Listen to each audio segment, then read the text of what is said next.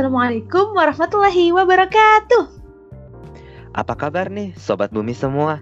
Semoga tetap sehat jasmani dan rohani ya.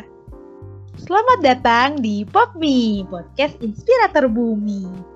Oh iya kak, Popmi itu apa sih? Jadi kak, Poppy itu podcast untuk menambah wawasan sobat bumi sekalian dengan topik-topik yang bervariatif, berisi, dan inklusif. Wah, jadi makin gak sabar nih untuk ngedengerin. Oke deh, langsung aja yuk kita nikmatin Popmi.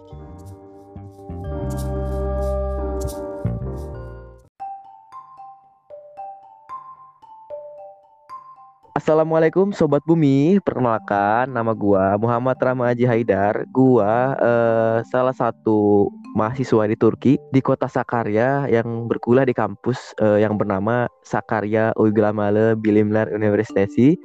Eh, jurusannya teknik sipil eh, dan gua nih kedatangan tahun 2019. Eh, pada malam hari ini dan ini kebetulan eh, kita recording malam ya. Jadi pada malam hari ini eh, gua lagi bersama satu narasumber namanya Bang Ade. Coba Bang Ade bisa perkenalkan dirinya, Bang.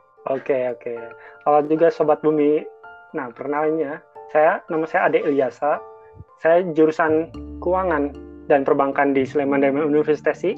Dulu datang ke sini ke Turki itu tahun 2018 dengan jalur YTB.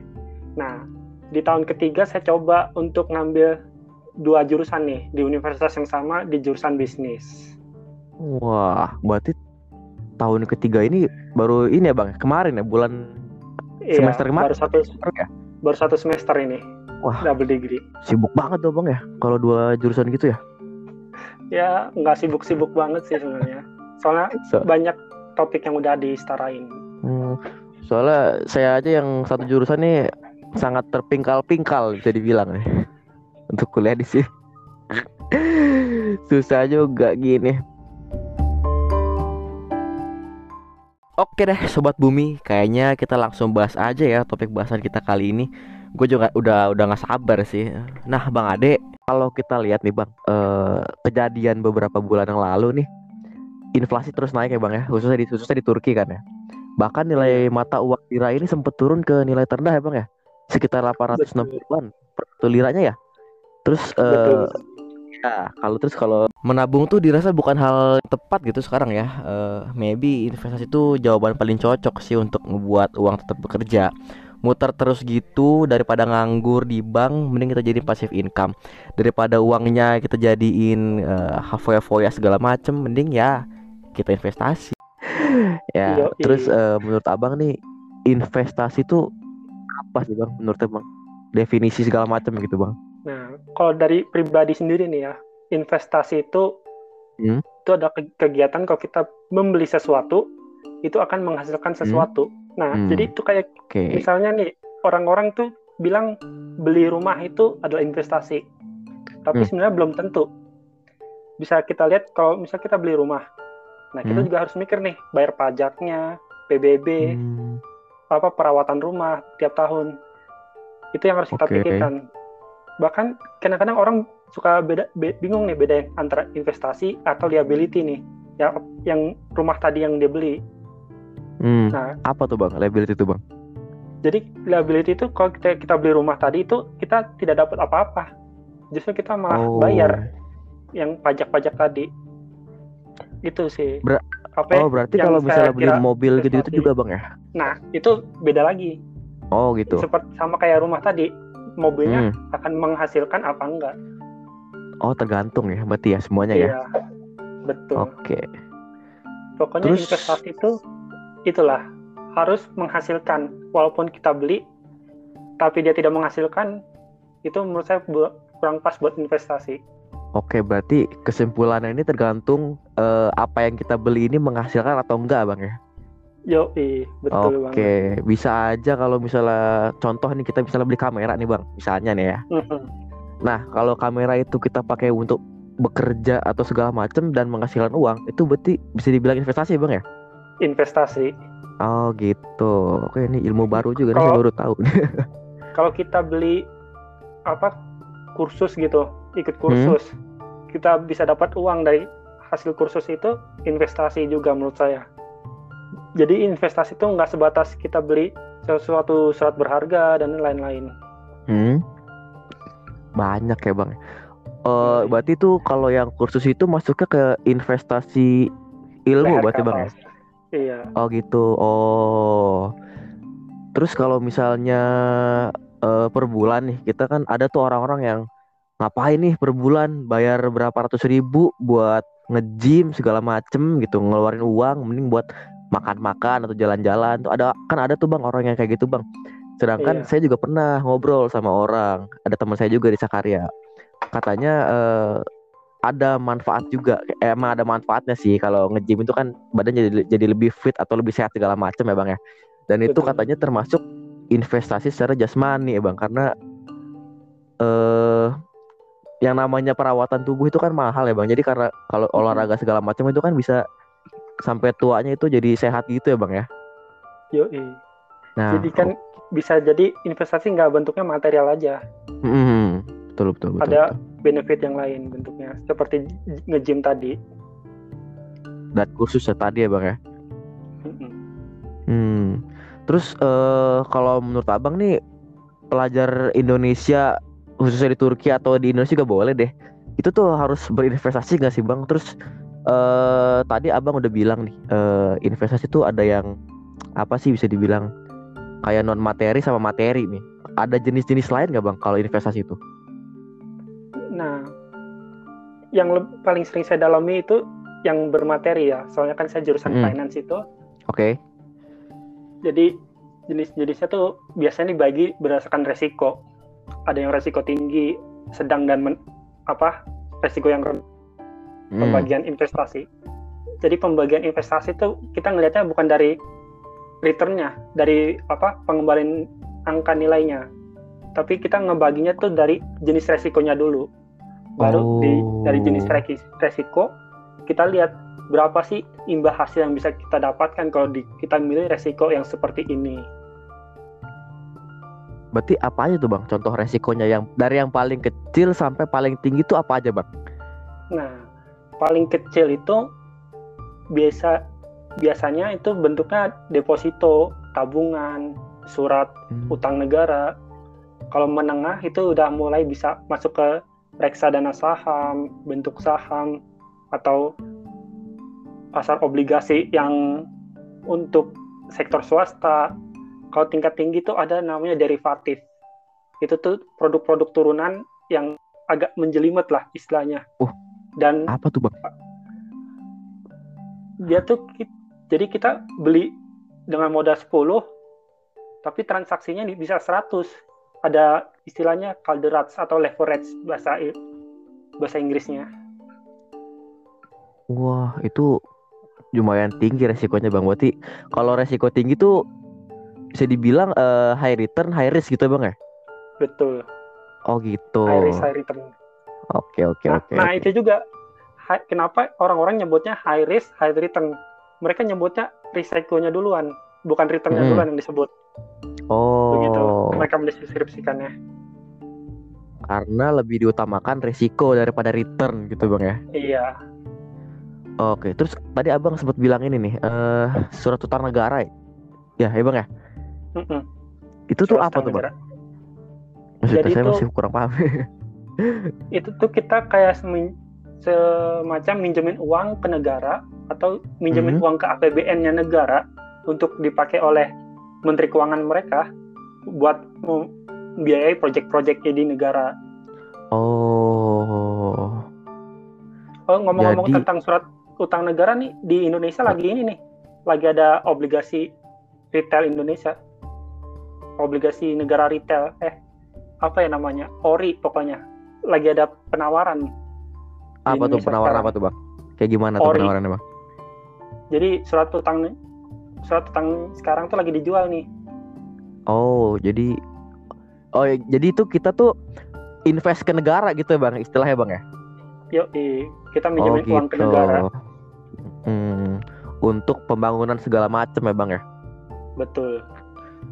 Terus eh, tadi nih Abang sempet eh, bilang ini nih Bang, eh, reksadana nih Bang. Mungkin eh para pendengar sobat bumi ini masih kurang paham nih reksadana itu apa sih dan eh beda apa bedanya sama kita beli saham secara langsung tuh apa sih bang? Gitu. Nah, perbedaannya itu itu kayak kita tuh beli langsung atau minta dibeliin. Nah, maksudnya gimana?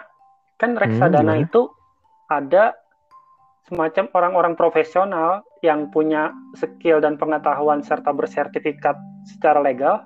Mereka Oke. ngelola nih dana-dana dari masyarakat.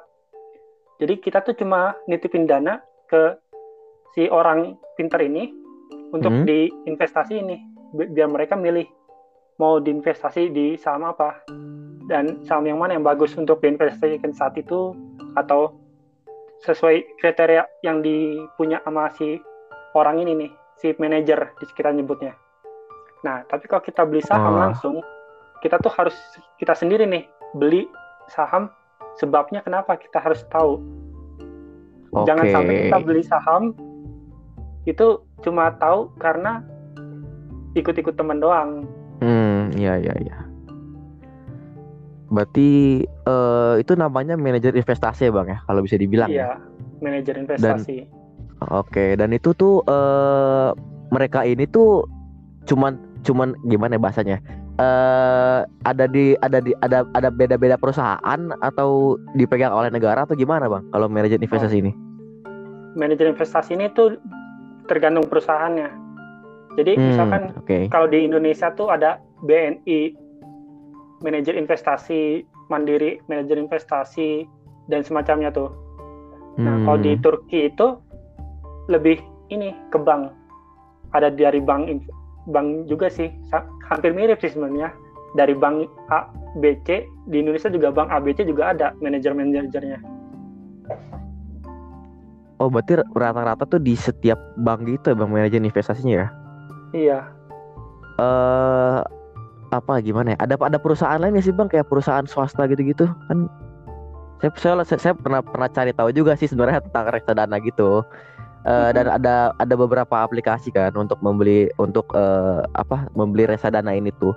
Saya paling tahu tuh ada kalau nggak salah namanya Bibit ya. Kalau reksadana itu ya.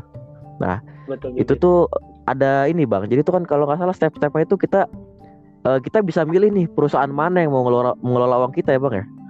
Iya. Bahkan bisa bibit bisa ngerekomendasin kita nih. Kalau kita resikonya sekian, apa yang Hah? nih reksadana yang cocok buat kita gitu. Oh gitu ya. Oh, berarti ntar tuh kayak ada eh semacam apa ya? Survei mungkin ya untuk menentukan profil resiko kita ya. Iya, bakal ditanya gitu. kita punya kita punya penghasilan berapa, umur berapa, terus tanggungan ada atau tidak dan sebagainya. Nanti ada ada perhitungan sendiri mereka ya, bakal Iya, merekomendasi kita bakal reksadana apa gitu ya. betul betul.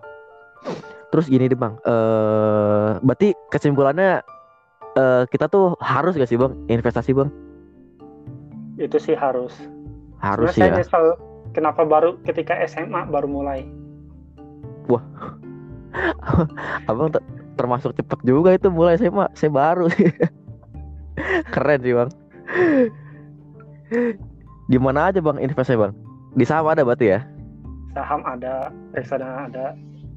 Bahkan di derivatif saya sempat sempat coba kok. Yang high risk banget itu. Oh gitu. Hasilnya gimana bang? Yang derivatif itu?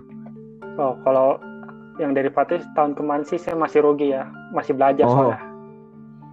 Karena karena high risk banget tuh bang ya. Iya, mesti mantengin banget. Kalau Kayak apalagi bisa 12. wah iya. Wah bablas ngeri bang. Karena pakai leverage kalau nggak salah ya. Iya, Nah itu leverage itu emang pedang bermata dua ya bisa dibilang ya bang. saya juga sedikit Betul belajar itu. Cuma tahu aja, sekedar tahu aja saya mah. Belum berani saya kayak gitu. iya. Terus? Gitu. Ya, kita banyak ilmu dulu lah ya, baru mulai lah ya, bahaya tuh. Iya, Terus ini bang, eh, seperti yang kita tahu nih, mayoritas pelajar Indonesia di Turki itu kan eh, berusia sekitar 20 tahunan lah ya. Ya, Mhm. sekitar 20 segituan lah ya. Terus Ya, eh, yang mana ini tuh adalah masa-masa financial planning yang disadari menjadi penting sebagai fondasi hari tua gitu karena kan masih bisa dibilang masih awal banget lah untuk memulai investasi ya karena memulai investasi kan se- sebaik-baiknya memulai itu sedini mungkin ya bang ya. Betul Dan- betul. salah satu caranya itu saham ya kan. Yang kita semua tahu lah saham siapa sih yang nggak tahu saham. Eh, terus gimana nih menurut abang? Eh, kan ada orang tuh bahas saham tuh bilang haram haram saham haram gitu. Terus dan legalitasnya tuh gimana bang? Jadi itu kehalalannya gimana kalau banyak Nah. perdebatan nih bang saham ini kalau kita bahas bagian halal haramnya dulu nih karena ini yang lebih Oke, menarik nih nah Wah, kita ini. tuh saham itu bukan sekedar apa ya kode-kode di layar yang nilainya tuh naik turun hmm di balik kode-kode itu atau kita sebutnya kode saham itu ada bisnis di baliknya. Hmm oke Untuk menentukan hal haramnya, kita lihat dulu nih background bisnisnya. oh gitu apa- Apa bisnis yang diharamkan? Apa bisnis yang dihalalkan? Misalkan bisnis bisnis minuman alkohol, bisnis judi, kasino dan semacamnya ataupun bank itu kan dimasukkan ke bisnis yang haram. haram ya Jadi kalau otomatis bisnisnya haram berarti saham dari bisnis tersebut haram. Tapi belum tentu dari bisnis yang lain tuh haram. Misalkan haram bisnisnya juga mereka jualan barang, mereka produksi biskuit dan semacamnya. hmm barang jelas ya bang ya yang Yoi. ada manfaatnya gitu barang ya Iya. Itu baru mudarat bisa- lah. Ah, itu baru bisa dibilang eh, halal gitu ya. Nah tapi belum belum belum segitu aja nih. Oh Kita gitu. harus lihat Ada nih. lagi. Oh, Ada lagi, ada tahap selanjutnya. Oke, gimana Di- tuh? Misalkan bisnisnya udah halal nih, dia produksi barang, lalu jual barang tersebut. Apakah dia punya utang nggak? Utang ke bank, yang utang ke bank ataupun pendapatan ya- dari dari bank nih, Hmm. dari bisnis non halalnya. Hmm. Nah, kalau dia bisnisnya itu punya pendapatan lebih dari sekian persen dari bisnis non halal, dia masuk ke kategori haram nih nanti. Walaupun bisnis utamanya halal, dimasukin nih ke perhitungan laporan laba keuangan, laporan laba ruginya. Oke, nanti oke. di akhir kecampur uang-uangnya. Oh. Jadi banyak pertimbangan ya intinya, Bang ya, kalau beli saham Iya. itu ya. Oh, Nah. makanya Oke, oke. Gimana, Bang? Sorry, Bang. Nah, makanya biasanya regulator itu punya ini nih, indeks-indeks atau daftar saham yang masuk ke kategori halal. Kalau di Indonesia tuh ada Jakarta Islamic Index. Nah, kalau di Turki tuh ada namanya Katılım Endeksi. Katılım itu diambil dari kata ini, artinya tuh syariah. Oke. Jadi indeks-indeks syariah disebutnya. Nah, kalau kita Gitu. bahas legalitas, saham ini udah ada legalitasnya. Jadi kita tuh secara langsung ketika kita membeli saham tersebut, kita tuh sebagai pemilik, pemilik bisnis tersebut. Oke. Secara hukum kita punya nih apa hak atau kewajiban terhadap bisnis tersebut, Hmm, oke. begitu. Oh, berarti kalau misalnya bisnis ini mengalami keuntungan gitu ya, Bang ya. Berarti kita kecipratan juga untungnya gitu. betul cipratan pastinya. Oke, kalau rugi gimana bisnisnya, Bang? Nah, kalau rugi, kan bentuk perusahaan yang punya saham itu adalah PT ya, umumnya, perseroan terbatas. iya. Iya, iya. Kerugian tertinggi dari pemilik perusahaan perseroan terbatas itu adalah sejumlah uang yang ditanam. Nah, kalau dalam kondisi saham ini, berarti kerugian maksimalnya adalah jumlah uang yang kita belikan untuk saham tersebut. Jadi, nggak akan nih Oh. misalkan perusahaannya bangkrut, Hmm, terus masih punya utang nih, mereka minta uang ke investor atau ke pemilik, yaitu kita. Mereka nggak bisa karena Oh, bentuk bisa. perusahaan yang berbentuk perusahaan tersebut di atur secara hukum gitu. Oke, terus eh kalau nggak salah setiap me- pemegang saham itu kan ini ya bang ya per tahunnya ada dividen ya bang ya. Mhm. Nah itu tuh eh gede nggak sih bang kalau dividen itu nilainya atau Kalau gimana gitu? umumnya sih berdasarkan persentase kita ngitungnya. Nah, untuk Oh. gede gede kecilnya itu kita harus mempertimbangkan kita nyimpen sahamnya berapa ratus ribu misalnya atau berapa Hmm. ratus juta. Nah, kita ngitungnya misalnya punya saham satu juta nilainya, satu juta rupiah. Dia Ya, ngasih dividen 5%.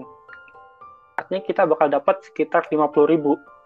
ya, Nah, mungkin kalau kita nyimpen satu juta doang atau satu juta rupiah gitu, lima puluh ribu kelihatannya seperti angka yang kecil. Betul. Nah, tapi beda nih. Misalkan kalau kita nyimpennya sampai ratusan miliar, mungkin bisa dapat 500 juta atau lebih bahkan. Wah gitu bahkan ya. mungkin mungkin bisa aja kita hidup dari dividen aja nih satu tahun nunggu dividen aja. Dividen hunter ya bang ya. Ya, Itu tuh setiap perusahaan beda-beda ya bang ya. Kalau dividen tuh persenannya. beda beda beda umumnya perusahaan-perusahaan yang komoditas itu dividennya besar Komoditas ya. Kayak ini bang. Kayak batu bara apa sih batu bara gitu. Pertambangan gitu-gitu bang ya. pertambangan Oke. Terus eh kalau menurut abang nih saham perbankan gitu halal nggak sih bang? Soalnya ada yang bilang haram bang. Saham perbankan Saham- gitu. perbankan haram Haram ya? dan juga nggak masuk daftar indeks syariah Oh gitu. Tapi eh, ini bang. Eh abang tahu pasti tahu lah ya. eh, Bank Syariah Indonesia. nah, Nah itu dia. Tapi dia ada ini bang. Ada sahamnya juga bang. nah saham bank syariah bisa dibilang halal halal kenapa karena bisnisnya itu bukanlah meminjamkan uang tapi Hmm. Bisnis bank syariah itu adalah mereka ikut patungan ke sebuah proyek. Mereka bagi hasil. Oh beda ya. Cara kerjanya sama beda. bank konvensional ya. Beda. Oke. Ah, Mau mau dijelasin secara rinci apa enggak nih? Oh secara Ada- nggak caranya bang. Takutnya ini kan. Eh ya mungkin kalau buat yang mau tahu secara rinci bisa kontak nih Bang Ade nih. Iya, Nanti di, kita tag di Instagram lah ya. Boleh boleh. Terus eh cara memulai investasi itu gimana Bang? Saham di, di, di Turki maupun di Indonesia nih Bang. Soalnya mungkin kan banyak yang memulai tapi nggak tahu caranya gimana Bang. Dan itu Nah. paling susah sih sebenarnya. Betul banget. Dulu saya juga pas mau mulai tuh bingung banget. Nah iya. Bahkan 2017 itu belum banyak apa nah, sumber-sumber yang bisa saya baca. Kalau di Kalau sekarang banyak Indonesia ya Bang. tuh, ya? oh ba- bertebaran. Banyak Kalau banget di sekarang. Indonesia di Indonesia ini kita perlu buka rekening efek di salah satu perusahaan sekuritas nih. Nah, perusahaan Oke. sekuritas itu apa nih? Biasanya nih perusahaan sekuritas itu orang kira-kiranya datangnya ke bank nih. Tapi Hmm. beda sebenarnya. Kita buka rekening saham dan semacamnya itu bukan ke bank, ke perusahaan sekuritas. Umumnya beberapa bank BUMN itu punya nih anak usaha untuk ngurus sekuritas gini nih, kayak Mandiri punya Mandiri Sekuritas, terus BRI Oh. ada BRI Dana Reksa, terus BNI pun juga ada BNI Sekuritas. Nah, gitu. Atau Tapi yang non bank. oh ya ada Misal- lagi. ada nih yang non bank, misalnya iPod, terus ada apa lagi ya? Jin, Talkbit ajaib, dan semacamnya. ajaib. Ajaib ajaib. juga ada. Ah, ah iya betul. Ajaib. Mbak, tapi Nah. semua bank di semua bank bisa kita bisa beli saham nggak bang? Di bank-bank gitu. Kita belinya nggak di bank, di perusahaan sekuritasnya. Oh gitu. Iya. Nah, itu untuk di Indonesia nih. Oke, kalau Nah. Turki, Kalau di Turki, mereka nih kayak punya lebih unik nih. Mereka terintegrasi sistemnya. Jadi, walaupun di misalnya Bank Ziraat itu punya Ziraat Yatırım, kita datang Hmm. ke Ziraat pun mereka masih ngelayanin. Kita mau buka rekening saham di Ziraat atau misalkan kita buka rekening saham di wakaf di bank wakafnya di, tetap Hmm. dilayani tetap dibukain oleh mereka beda sama di Indonesia kalau di Indonesia kita nggak nggak nggak dikasih buka lah istilahnya nggak dikasih akses buat ngebuka di di banknya mesti ke perusahaan sekuritasnya kalau di Turki kita bisa Oh. buka di banknya tersebut Berarti lebih gampang di sini bang, kalau bisa dibilang ya. Iya. Bahkan kalau di Turki pun kalau kita misalkan udah punya mobile banking, gampang juga ngebuka di sana. Nggak perlu tanda Oh, bisa. tangan, nggak perlu kirim dokumen. Karena kan Oh. kita udah punya rekening banknya. Mereka te- integrasi sistem, jadi menurut saya lebih bagus di Turki sih kalau kita cuma ngelihat cara ngebuka rekeningnya. Mhm. Terus berarti beli sahamnya di di mana bang kalau di Turki? Maksudnya di aplikasi apa gitu? Apa di mobile banking bang ya? Di mobile banking ya. Oh gitu. Jadi- bisa sekalian kita lihat rekening utama kita yang biasa kita pakai buat transfer transfer atau nerima transferan di situ Hmm. juga kita bisa beli beli saham saya baru tahu nih. baru tahu kalau ternyata di Jirat ini bisa bisa buka rekening saham. nah kalau di khusus khusus buat kita nih ya apa ya banjir orange Hmm. kita nggak bisa buka rekening saham di Ziraat tapi kita cuma bisa beli Oh, reksadana aja nih di Ziraat oh itu khusus buat orang Turki berarti ya? iya tapi kalau Ya, di bank-bank lain bisa sih Oh khusus Jirat doang ya? iya Ziraat aja Oh alah, saya mungkin ke- ada apa mungkin tuan tertentu yang nggak ngebolehin kita buka rekening saham. tapi kalau reksadana bisa. Reksadana bisa Walah, untuk di Ziraat. khusus Jirat gitu ya. Iya. Eh terus eh kalau menurut abang nih ini agak ini nih bang ada, ada agak kalau bisa dibilang agak sensitif nih menurut eh abang nih soalnya semua nggak semua orang bisa nerima ini nih bang nih. Nih kalau Iya. menurut abang nih kripto ini gimana bang? ini kontroversial banget nih bang kripto nih. Dari pandangan saya sendiri sebenarnya Hmm? kripto itu ag- agak energi sih. Gimana tuh bang maksudnya bang? Jadi nambang itu tuh kan butuh energi listrik ya. Hmm, hmm. Cina kan udah ngeban kripto nih kan butuh energi buat Boros. industri mereka sendiri. Buat Iya, industri betul. mereka. Nah, Ah. makanya mereka pada pindah ke Kazakhstan nih. Apa miner-minernya. Oh. Nah, di Kazakhstan nggak tahu entah betul apa enggak karena kripto itu harga-harganya jadi naik nih karena energinya harga harga barang-barang bang. iya Oh. kestabilan energi Berarti mereka banyak. mungkin belum pas sumber energi nah jadi Belum jadi kan Amerika mungkin ya. ini ya iya Amerika juga sebenarnya kan Oh. ada ini juga, minyak mereka WTI Oh, perusahaan minyak bang itu ya? itu Atau gimana? indeks minyak di Amerika sih Oh indeks minyak. biasanya Oh, saya indeks tahu nih. minyak. Ini sih ini buat di Amerika dan eh, di Indonesia kan kemarin sempet rame nih bang kripto nih diharamkan oleh MUI nih bang ya.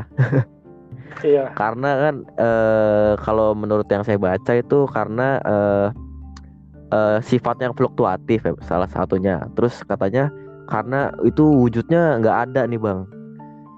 Kan eh, emang sebenarnya kan ini yang saya baca itu katanya eh, kripto ini kan mata uang digital nih bang.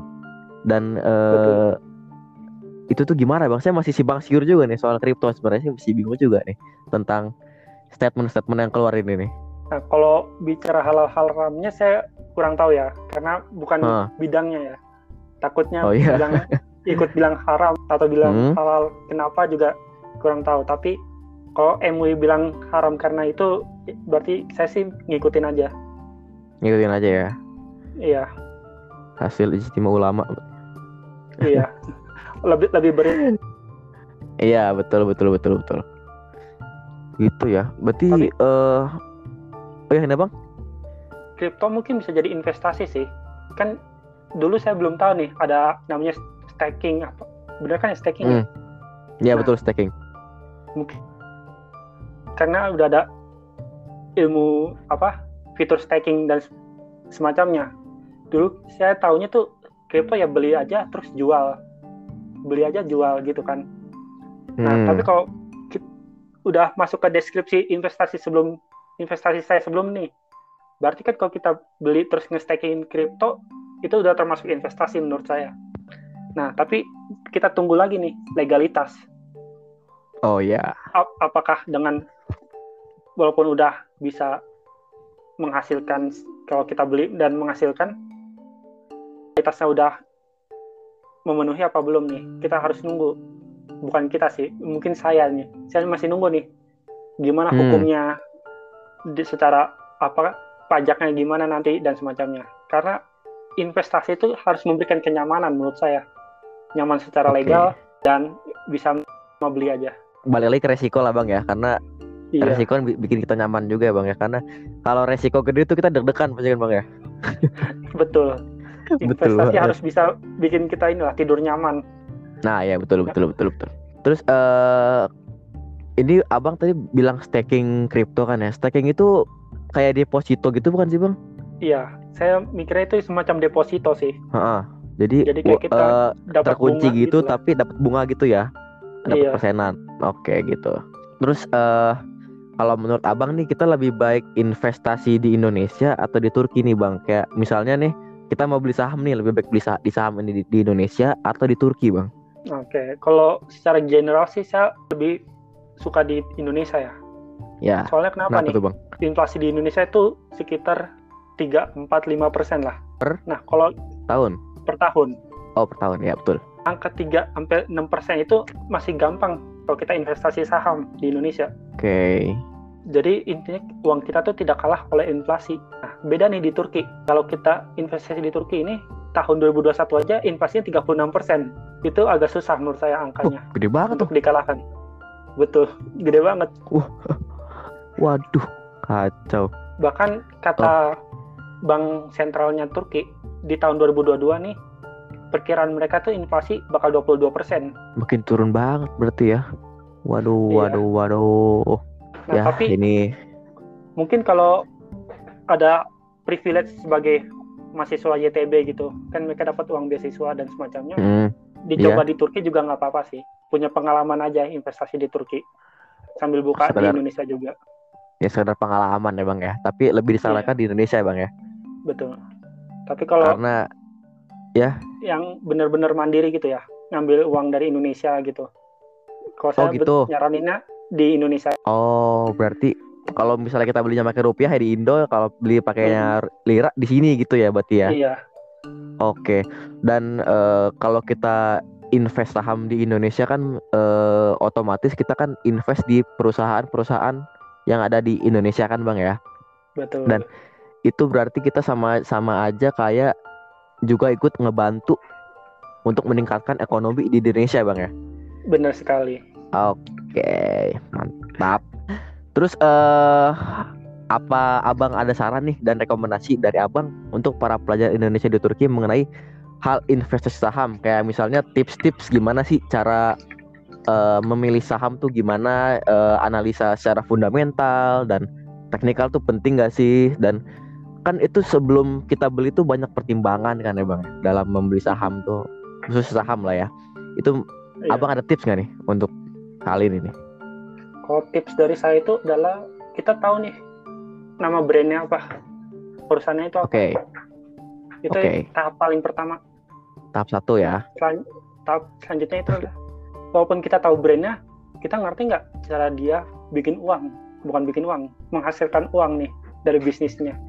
Oke, Apakah mereka produksi terus jual, mereka produksi ngekspor dan sebagainya, Hmm, mereka ngekspor ke mana dan sebagainya. Nah, prospek lah bang ya. iya, iya sebenarnya basicnya itu dua aja. Hmm, tahu brandnya dan tahu bagaimana cara uangnya bekerja, cara bisnisnya bekerja. Nah, untuk selanjutnya itu ini opsional sih. Kita ngeliat rasio-rasio keuangan. apa aja tuh bang tuh? Yang biasa saya pakai itu adalah price earning ratio sama price to book value. Itu dua aja. Jadi kita ngeliat nih saham ini tuh nilainya berapa nih dibandingkan penghasilannya si bisnis tersebut atau Oke, saham ini nilainya berapa dibandingkan berapa sih nilai nilai buku atau nilai bisnis tersebut di laporan keuangan mereka. akan lebih begitu. bagus kalau gimana? Akan lebih buruk kalau gimana bang nilainya? biasanya orang-orang nyarinya price earning ratio kecil sama price earning eh price to book value kecil. Jadi per kecil, PBV kecil.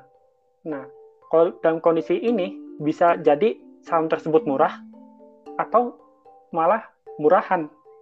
Kenapa murahan? Oke. Karena pasar pak di pasar itu investor itu tidak tidak menghargai ini saham tersebut. Bisa jadi Hmm. karena ada yang salah di laporan keuangannya.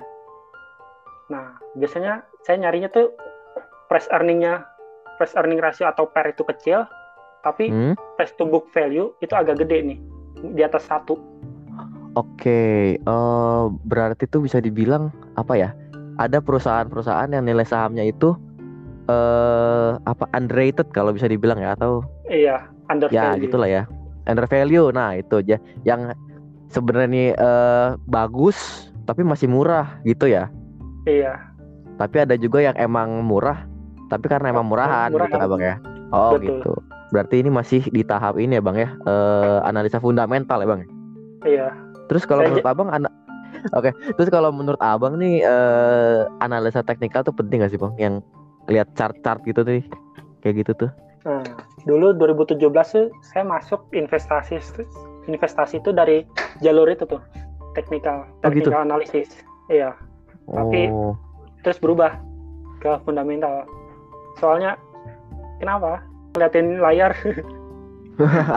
nah, pantengin bar-bar kayak gitu ribet ya bang ya? Pusing, iya, bukan, bukan ribet sih, capek. capek. Iya, Lebih mendingan sekali beli udah tinggal aja gitu bang berarti ya. Kalau investasi Iya. gitu gitu ya. kan laporan Oke. keuangan kan up- update-nya itu kan per tiga bulan. Nah, jadi kita bisa analisa tuh ketika hari libur aja tuh per tiga bulan. Tapi kan kalau technical analysis kita mesti analisa tiap hari nih. Kalau Hmm. emang kita mau day trading, mau transaksi harian dan semacamnya. Karena setiap hari kan datanya berubah nih. Apakah ada bar-nya naik atau bar-nya turun dan semacamnya. Ya Tapi nggak- itu butuh Nggak inilah apa-apa ya. sih technical analysis. Ah, nggak, ya, nggak salah itu- juga itu. Berarti nggak nggak ada salah-salah juga ya bang ya. Tapi kalau mau nggak mau enggak juga nggak apa-apa gitu ya. Iya. ya itu itu kembali ke diri kita masing-masing sih misalnya kalau kita mau belajar yang lebih expert mungkin bisa cari apa eh, kayak di YouTube YouTube itu banyak ya bang ya kalau mau belajar kayak gitu-gitu Iya. ya. Wah, mantap. Ya udah pembahasan kita udah kelar nih bang untuk malam hari ini nih. Weh. Eh, makasih banyak nih buat bang Ade yang udah meluangkan waktunya karena ya malam-malam malam ini dingin-dingin ya bang ya. Waktunya istirahat ya bang ya. Oh enggak. oke makasih Kalau- banyak. Kalau ada mau bertanya-tanya juga dikontak juga nggak apa-apa. oke bisa dikontak ya eh, Insta Instagram bang Ade ntar bakal dicantumin di Instagram PPI Turki Iya. terima kasih juga buat kalian yang udah mau mendengarkan podcast ini dari awal sampai akhir gua Rama pamit Ditunggu untuk menjadi investor. mantap mari kita invest bersama-sama